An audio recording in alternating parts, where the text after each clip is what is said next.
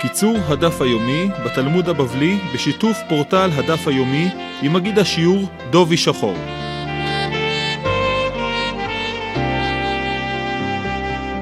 שלום למאזינים, היום במסגרת הדף היומי נלמד מתוך דף מ"ה במסכת קידושין. בדף שלנו מוזכרים מגוון מושגים וכולם מתקשרים לקטנה שהתקדשה שלא לדעת אביה. בדף של אתמול הגמרא הביאה דברי רב ושמואל שאמרו שקטנה שהתקדשה שלא לדעת אביה אנחנו חוששים לקידושים האלה ומצריכים את האיש לתת לה גט ובנוסף יש צורך שהקטנה תמאן בקידושים האלה ומיד נבהר. המצב הזה הוא מצב בעייתי כי לא ברור האם היא מקודשת או לא ולכן אנחנו רוצים לסיים את חיי הנישואים הספקיים האלה.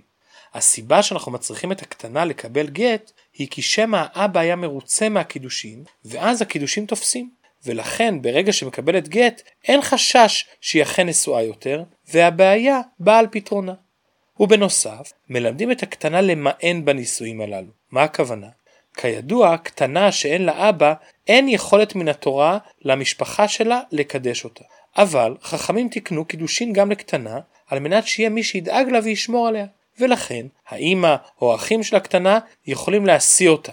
אבל במידה והקטנה לא מעוניינת בחיי הנישואים האלה, סמוך לגיל 12 היא אומרת שהיא לא מעוניינת, ממאנת, ואז מתברר למפרע שכל הנישואים האלה לא היו בכלל.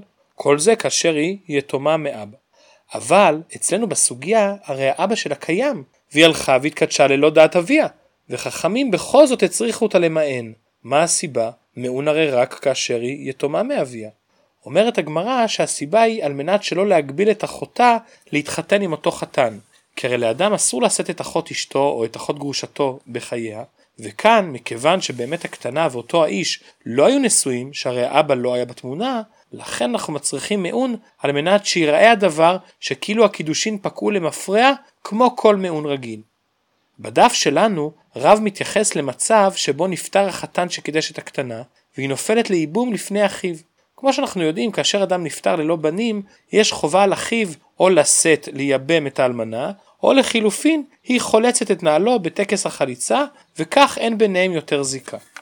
מן התורה, כאשר היבם מייבם נושא את יבימתו, אין צורך לקדש לפני הייבום. אבל חכמים תיקנו קידושין גם ליבם. הקידושים האלו נקראים קידושי מאמר. אז נחזור לדברי רב. הקטנה התקדשה שלא לדעת אביה, ולאחר מכן נפטר אותו חתן ללא ילדים. עכשיו הקטנה נמצאת במצב בעייתי. אם הוא היה חי היינו מצריכים אותו לתת לה גט והיא הייתה ממאנת וכך היינו פותרים את העניין. אבל החתן נפטר, מה נעשה? אומר רב זה תלוי.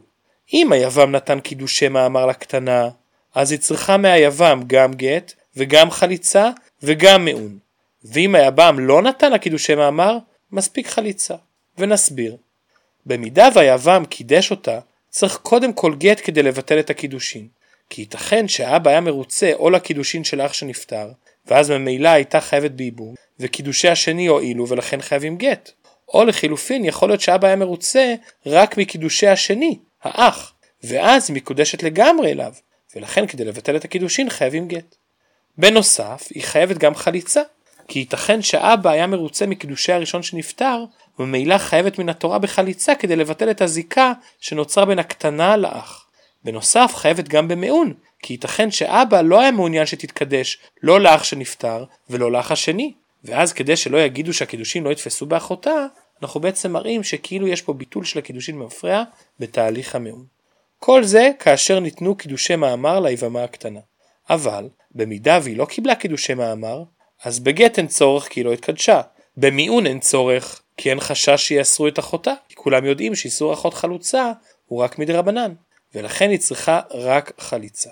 אז נסכם. לדעת רב קטנה שהתקדשה שלא לדעת אביה, מחייבים אותה גט, שמא נתרצה אביה בקידושין ואז הם תופסים. ומצריכים מעון כדי שלא יאסרו את אחותה על אותו חתן. במידה ונפטר אותו אחר שקידש אותה שלא לדעת אביה, ולא היו לו ילדים, אז במידה ונתן לה יבם קידושי מאמר, היא צריכה גם גט, גם מעון וגם חליצה. אם הוא לא נתן לה קידושי מאמר, היא זקוקה רק לחליצה. עד כאן בקצרה מפורטל הדף היומי, מסכת קידושין דף מ"ה, מועדים לשמחה ולהתראות מחר בדף מ"ו.